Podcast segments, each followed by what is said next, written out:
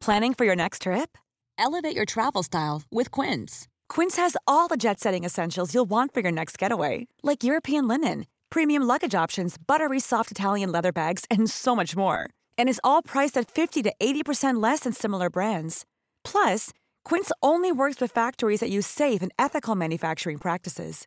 Pack your bags with high-quality essentials you'll be wearing for vacations to come with Quince. Go to quince.com slash pack for free shipping and 365-day returns. A lot can happen in the next three years. Like a chatbot may be your new best friend.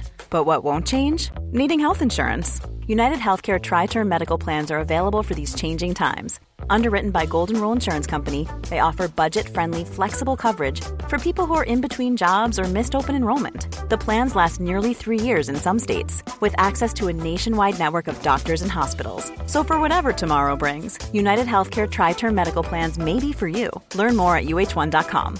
Hey, Dave. Yeah, Randy. Since we founded Bombus, we've always said our socks, underwear, and t shirts are super soft. Any new ideas? Maybe sublimely soft. Or disgustingly cozy? Wait, what? I got it. Bombas. Absurdly comfortable essentials for yourself And for those facing homelessness. because one purchased equals one donated. Wow, did we just write an ad? Yes. Bombas. Big comfort for everyone. Go to bombas.com slash ACAST and use code ACAST for 20% off your first purchase. I samarbeid med Care Beauty så har jeg en rabattkode som er Therese Sørene, som gir 15% akkurat nå på carebeauty.no. Og etter jeg har slitt så mye psykisk, og etter alt som har skjedd med meg i barndommen, er egentlig å selvpleie med meg sjøl noe av det viktigste jeg gjør. Og det får jeg virkelig gjort med hudpleie, og jeg elsker Care Beauty, det jeg snakka masse om. Så sjekk det ut, og nå skal vi gå mer på dypere plan.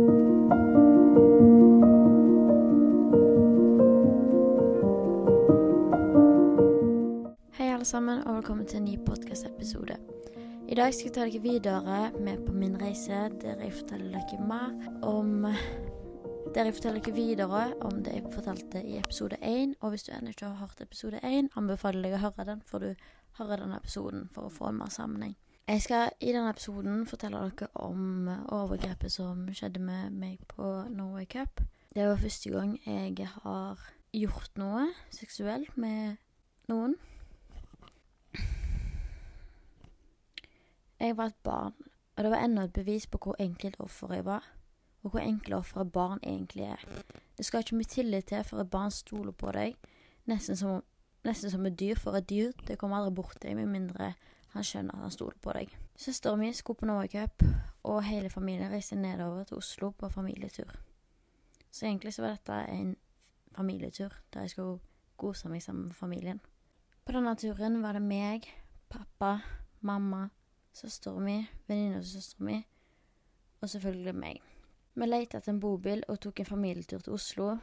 Vi var òg innom Tusenfryd, og jeg elsker jo det. Jeg har alltid elska spenning og ha det gøy til karuseller som går fort og går høyt og alt dette her. Eh, alltid elska det, så det syns jeg var kjempe, kjempegøy, husker jeg. Før denne turen hadde jeg lenge hatt kontakt med Før denne turen så hadde jeg hatt kontakt med en fyr, og i denne podkast-episoden skal jeg ha Tobias. For å anonym anonymisere han. Hendelsen jeg skal fortelle dere nå, ligger ganske tett med hendelsen som skjedde med Martin, som vi fortalte om i forrige episode. Kontakten med Martin avbrøt jeg vinteren 2012, mens denne hendelsen skjedde sommeren 2011. Jeg var da tolv år gammel. Hvor gammel Tobias var, det husker jeg ikke helt konkret, for det er mye jeg har fortrengt i løpet av disse årene her. Det er mye jeg ikke husker, det er mye som er tåka for meg. Jeg husker kun spesifikke episoder, spesifikke, spesifikke hendelser og spesifikke ting som skjedde. For det er det som skjer når du fortrenger. Du husker kun det viktigste fordi du går i en overlevelsesmodus der du måtte huske kun det viktigste. Men jeg husker han var over den seksuelle lave alderen. Han var mye eldre enn meg. I forkant av Norway Cup hadde jeg, eh, jeg og Tobias snappa en stund, fordi da var Snap begynte å komme. Jeg hadde sett han naken, og han hadde sett meg naken. Han virka hyggelig, og jeg falt, selvføl og jeg falt selvfølgelig for dette en gang til. Jeg var maks uheldig og utrolig sårbar etter den forrige hendelsen, som jeg ennå ikke hadde fortalt noen til. Jeg var ødelagt på den måten at jeg var redd menn.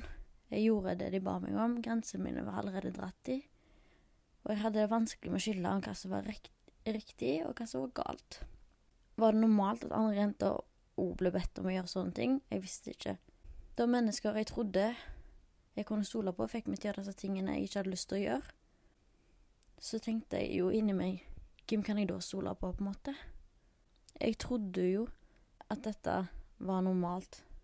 Det skurra jo ikke i mitt hode, for dette var jo mennesker som jeg stolte på. Etter Martin så var dette nærmest normalt for meg. Jeg hadde gjort dette her i over et år. Jeg hadde gjort dette lenge. Det var nesten normalen min. Så jeg var jo et enkelt offer for Tobias igjen. Ved siden av disse fellesstoene og dusjene så var det en kjempesvær skog. Og da vi endelig skulle møtes, planla vi å gå i denne skogen. Det var litt rart at han ville, at han ville møtes der, egentlig, fordi det var et sted som lå ganske synlig til, og vi kunne høre all jubelen fra fotballkampene nedenfor. Og det er voksne mennesker på turstiene. Jeg husker jeg var kjempenervøs, og jeg husker utrolig godt hva jeg hadde på meg. Jeg hadde en sånn slags hvit pikéskjorte med sorte prikker på. Og han hadde supersøt krage, og buksa var super high waist og var fra Wow, når det eksisterte. For jeg handla alle klærne mine der. Dette var favorittantrekket mitt, så jeg tok selvfølgelig på meg dette for å se fin ut. Jeg tror faktisk mamma og de satt og grilla når jeg sa jeg skulle møte vennene mine og gå og spille fotball med dem. Men jeg gikk opp til denne skogen for å møte Tobias. Vi starta med å si hei til hverandre før vi beveget oss lenger inn i skogen. Vi kvelte oss nesten for å snakke om ting, fordi at eh, vi kunne jo egentlig bare snakke om Norway Cup. Vi hadde ingenting til felles. Vi var ikke på samme alder. Vi hadde ikke like gamle venner. Vi hadde ikke samme interesser. Vi hadde ingenting å snakke om. Når vi bevegde oss lenger inn i skogen, kom vi fram til et tre som hadde falt. Og det som gikk i hodet mitt da, var hva var skjebnen til dette treet før? Hvem har stått der før? Hvor gammelt er det treet? Tenk om noen andre òg har opplevd noe sånn som jeg har opplevd her, eller verre. Det kan jeg ikke få vite, men tenk så mange hemmeligheter dette treet har, og nå har han min nå. Jeg og Tobias sto med dette treet, og jeg kjente hånda hans nærmere buksa mi. Han holdt rundt meg med den ene hånda hans, plutselig kjente jeg den andre hånda hans inntil huden min med navlen. Han bevegde seg nedover, og jeg måtte begynne å gjøre noe. Skulle jeg springe, skrike, stå stille? Hva gjorde jeg? Jo, jeg måtte ta hånda mi i buksa hans. Han tok hånda mi ned, og når vi sto her, hva skulle jeg ellers gjøre? Tobias hadde allerede begynt å onanere meg. Sakte. Og det var første gang jeg hadde vært seksuelt aktiv med noen utenom meg sjøl. Tenk om en første gang skulle være med en fyr som jeg ikke kjente, men som hadde sett meg naken inntil tre på Norway Cup hvor jeg kun var tolv år. Han onanerte meg samtidig som at han nøt at jeg onanerte han, og det var kanskje i noen minutter, men det føltes ut som det var en halvtime, lange minutter. Jeg hadde aldri tatt på en gutt eller mann i, hele mitt liv. Det var første gang. Jeg har aldri opplevd at noen minutter skulle gå så sakte, og det var nesten som det aldri skulle ta slutt. Minuttene gikk. Ett minutt, to minutter, tre minutter. Jeg så på alle mennesker som gikk forbi oss langt borte fra oss, og jeg kunne høre masse barn og mange foreldre som skrek og jubla fordi de var så stolte av barnet sitt som skulle skåre et mål banen. Hva ville mamma og pappa tenke om meg? Jeg tenkte i hvert fall at jeg var ekkel, og jeg følte meg som en slags hore, som vi ville kalt det i dag. Som òg er helt på trynet. Men uansett.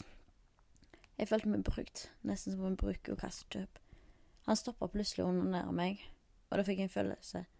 Hæ, er det endelig over? Jeg fikk en lettelse. Plutselig kjente jeg at jeg var våt på hele hånda, og det var klissete. Tobias hadde jeg kommet på hele hånda mi, og da husker jeg at jeg sa eh, Og jeg tok opp et blad på bakken, faktisk, for jeg visste ikke hva jeg skulle gjøre med det. Og jeg tørka vekk sæden hans. Og etter det så var det som om vi aldri skulle se hverandre igjen, og vi knapt hadde snakket med hverandre. Det var bare helt stille. Vi beveget oss utover denne fæle skogen, og det var som ingenting hadde skjedd. Vi sa fint ha det, og jeg måtte komme meg i sted hvor jeg kunne vaske hendene. Tenk om noen kjente igjen lukta. Da ville jeg jo tenke tenkt hva i alle dager jeg har holdt på med. Jeg var kun tolv år gammel. Norway Cup 2013 ble kanskje ikke slik som jeg hadde sett for meg, Men jeg klarte likevel å holde maska og nyte dagene sammen med familien og venner. Det var gøy å være med søstera mi og heie på henne og flere, se flere kamper. Spise digg mat med familien og være på Tusenfryd. Hele hendelsen ble litt glemt, da jeg ikke ønska å tenke på det. Det ga meg enda et bevis på at jeg ikke kunne stole på menn. Alt jeg ønska av meg, var bare kroppen min. Det var hendelsen fra Norway Cup, som òg gjorde noe med meg når jeg var unge. Det gjorde noe å bære på disse, alle disse hemmelighetene. Den store skammen.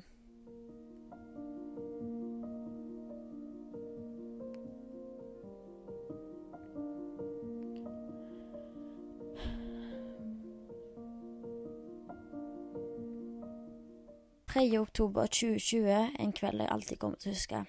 Det var tid for glitter og stas, som jeg elsker. En god venninne av meg skulle feire 18-årsdagen sin, noe som jeg var kjempeglad for. Kvelden begynte, og jeg drakk fort over vinflaska mi, og jeg begynte å shotte reinsprit sammen med ei venninne. Fordi hvorfor ikke? Jeg var allerede godt i gang, så hvorfor ikke fortsette? Jeg ble dritings, total dritings. Jeg ble kjempefull.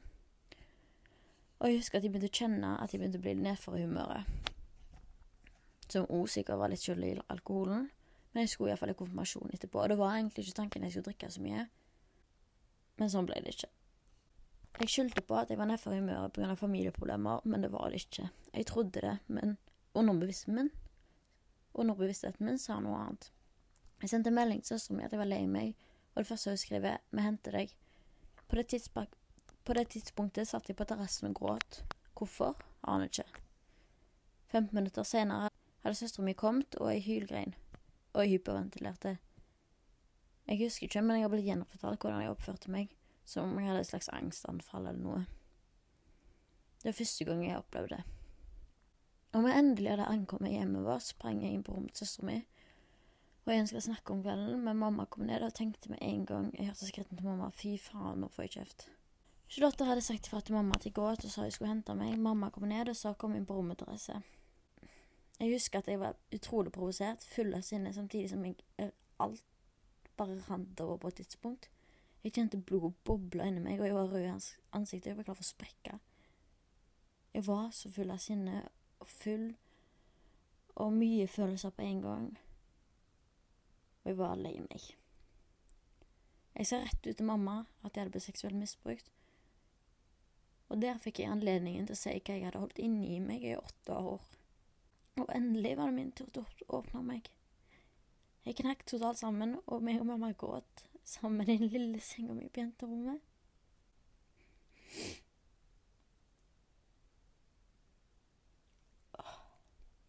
Jeg tror aldri noen av oss har vært så ærlige som vi var da. Og jeg, og jeg, fortalte til mamma hva som hadde skjedd. Jeg husker ikke alt heller, fordi at, det, som jeg sa tidlig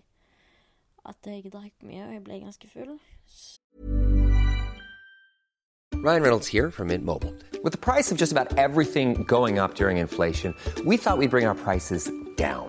So to help us, we brought in a reverse auctioneer, which is apparently a thing. Mint Mobile unlimited premium wireless. Ready to get 30, 30, bit to get 30, bit to get 20, 20, 20, bit to get 20, 20, bit to get 15, 15, 15, 15 just 15 bucks a month. So, Give it a try at mintmobile.com/switch. slash $45 up front for 3 months plus taxes and fees. Promo rate for new customers for limited time. Unlimited more than 40 gigabytes per month slows. Full terms at mintmobile.com. Wow. Nice. Yeah. What you're hearing are the sounds of people everywhere putting on Bombas socks, underwear, and t-shirts made from absurdly soft materials that feel like plush clouds.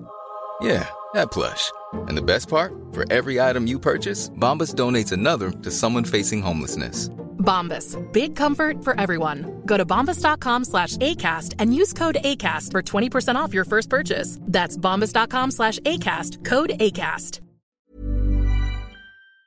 Så jeg husker ikke mye av den samtalen der, og jeg våkna sikkert opp og ikke ville huske det.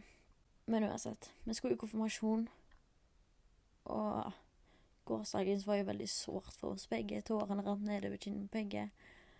Og det var på en måte veldig fin. Fint. Og det var en lettelse for meg. Jeg hadde holdt på dette her i åtte år. Jeg har ikke sagt et eneste ord til noen. Og dagen etterpå skulle vi i konfirmasjon, og da måtte jeg på en måte bare late som ingenting. Og når jeg våkna, så føltes det som jeg hadde vært i tåke. Det føltes som en drøm. Det føltes ikke ekte i det hele tatt. Og vi gikk i konfirmasjon, og jeg lot som fint og ingenting og feira søskenbarnet mitt og koste meg og snakka med familien. Mens egentlig så gikk jeg der og tenkte Har jeg sagt til mamma det? Eller har jeg ikke har jeg drømt dette her? Og så føler du at alle øynene som ser på deg, dømmer deg, dømmer deg. Fordi du kommer med skamfølelsen. Og fortelle hva du er, og hva du ikke er. Fortelle hvor ekkel du er. Eller at du ikke er verdt noe. Og mye mer. Når jeg kom hjem, så bodde jeg ikke hjemme for øyeblikket. Og jeg skulle kjøre, og så skulle jeg ha med Miko, som er hunden vår. Og da må jeg opp på kjøk kjøkkenet for å hente tingene hans. Og da kjente jeg hånda til, til mamma på skulderen min. Og hun sa 'Jeg syns vi skal anmelde det du sa i går'. Og jeg bare Jeg klarte ikke å si noe. Jeg var så sliten. Jeg var så overvelda. Samtidig så fikk jeg enda mer panikk inni meg, fordi at det var faktisk, faktisk realiteten. Jeg hadde faktisk sagt det. Nå ble alt en realitet igjen. Mamma og de var på politistasjonen eh, noen dager etterpå og anmeldte dette her. De snakka med en politimann og egentlig gjorde anmeldelsen for meg. Jeg hadde aldri tatt det steget sjøl. Det hadde tatt lang tid i så fall. Videre fikk jeg beskjed at denne saken skulle behandles som en voldtektssak. Og de så på det som en veldig alvorlig sak, og det hørtes ut som en mann som ikke hadde bare begått ett misbruk med, et barn, men flere. Det gir meg enda frysninger å høre den dag i dag, for hva vi vet, vet For hva vet vi om han sitter på nettet i dag og gjør det samme med andre barn? Eller hva vet vi om han faktisk begår fysiske voldtekter mot barn? Jeg bevegde meg inn i noe som har vært et mareritt for meg lenge, men nå er det hele blitt noe mer alvorlig. Jeg begynte å få et håp om det faktisk skulle At de skulle få et svar på det hele.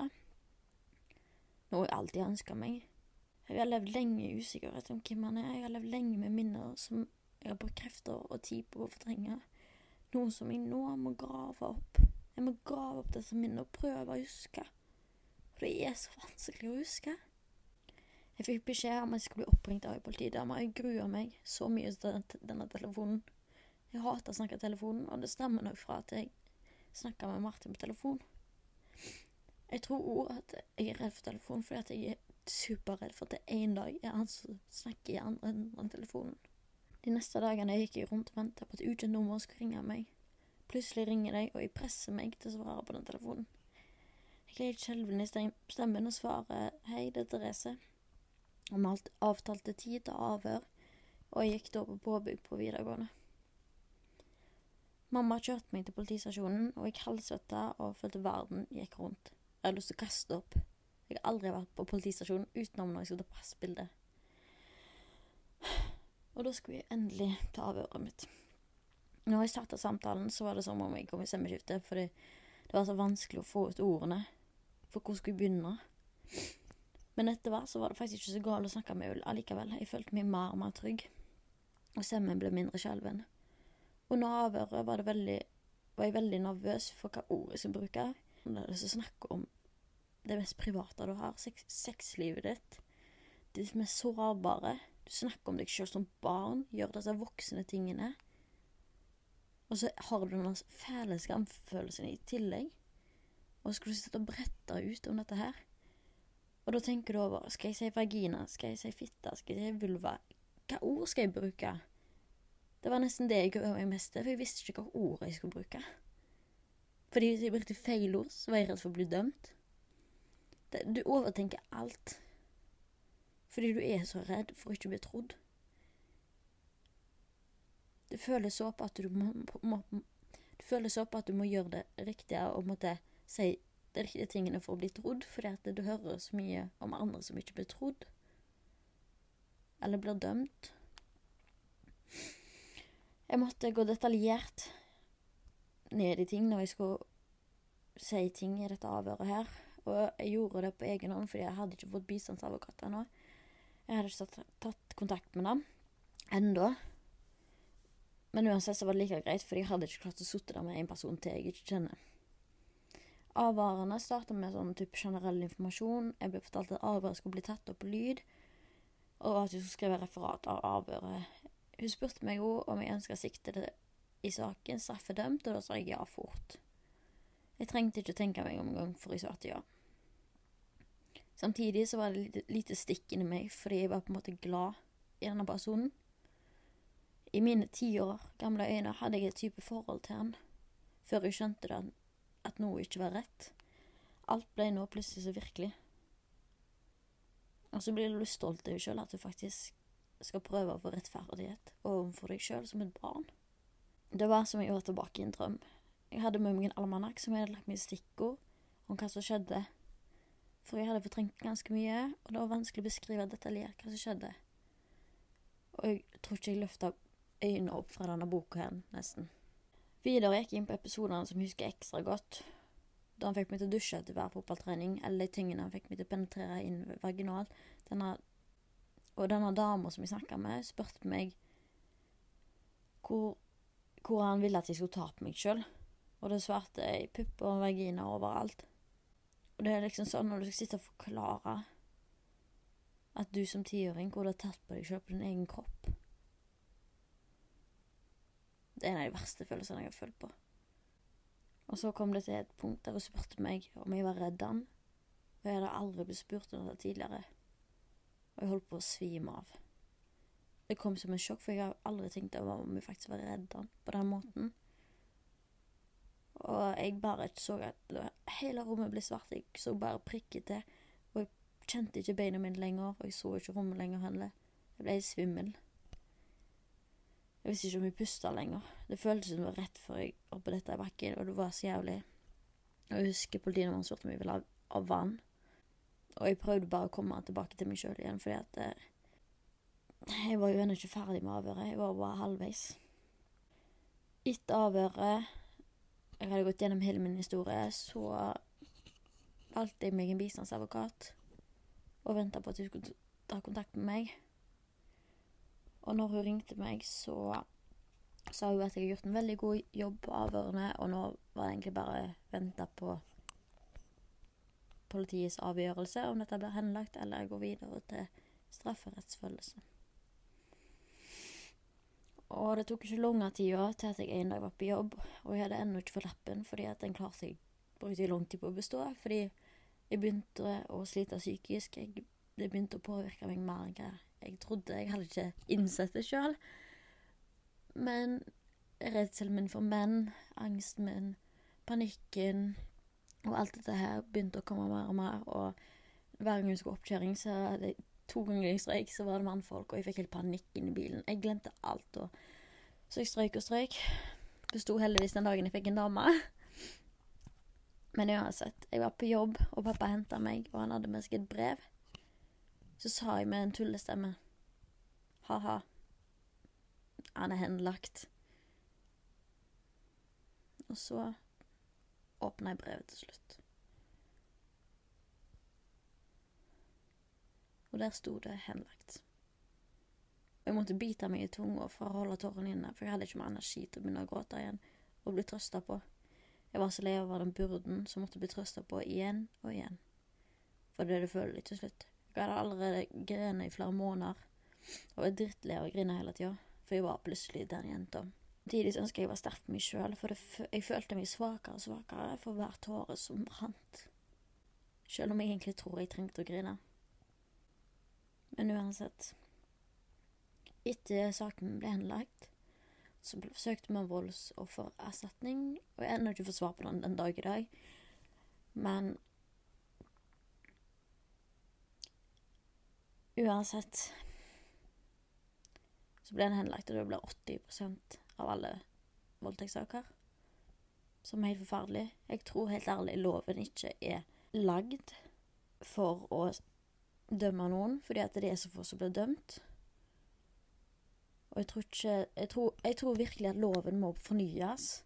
Jeg tror loven henger etter, og han er for gammel for typ moderne tid, sånn som det er nå det er ikke både, bare fysiske overgrep, men det er òg digitale overgrep. Og jeg føler loven må måtte henge med på det òg. Med på denne teknologiske endringen vi har nå. Vi er mer på nett enn noensinne. Vi bør kunne beskytte barna våre både på nett og i livet. Og nettet er mer skummelt enn vi tror. Men uansett, i neste episode så skal dere få høre hvordan dette påvirker min psykiske helse, mitt forhold og mitt eget selvbilde.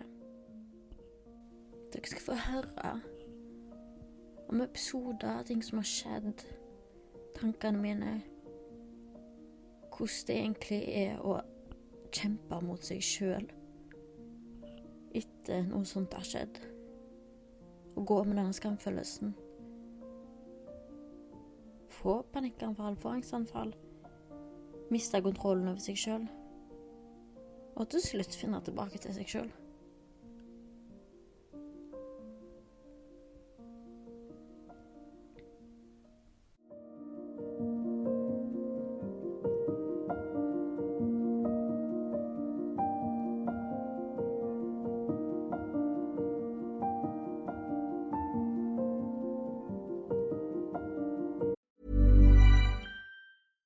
Hey, it's Paige DeSorbo from Giggly Squad. High quality fashion without the price tag. Say hello to Quince. I'm snagging high-end essentials like cozy cashmere sweaters, sleek leather jackets, fine jewelry, and so much more. With Quince being 50 to 80% less than similar brands. And they partner with factories that prioritize safe, ethical, and responsible manufacturing. I love that. Luxury quality within reach. Go to quince.com slash style to get free shipping and 365 day returns on your next order. Quince.com slash style.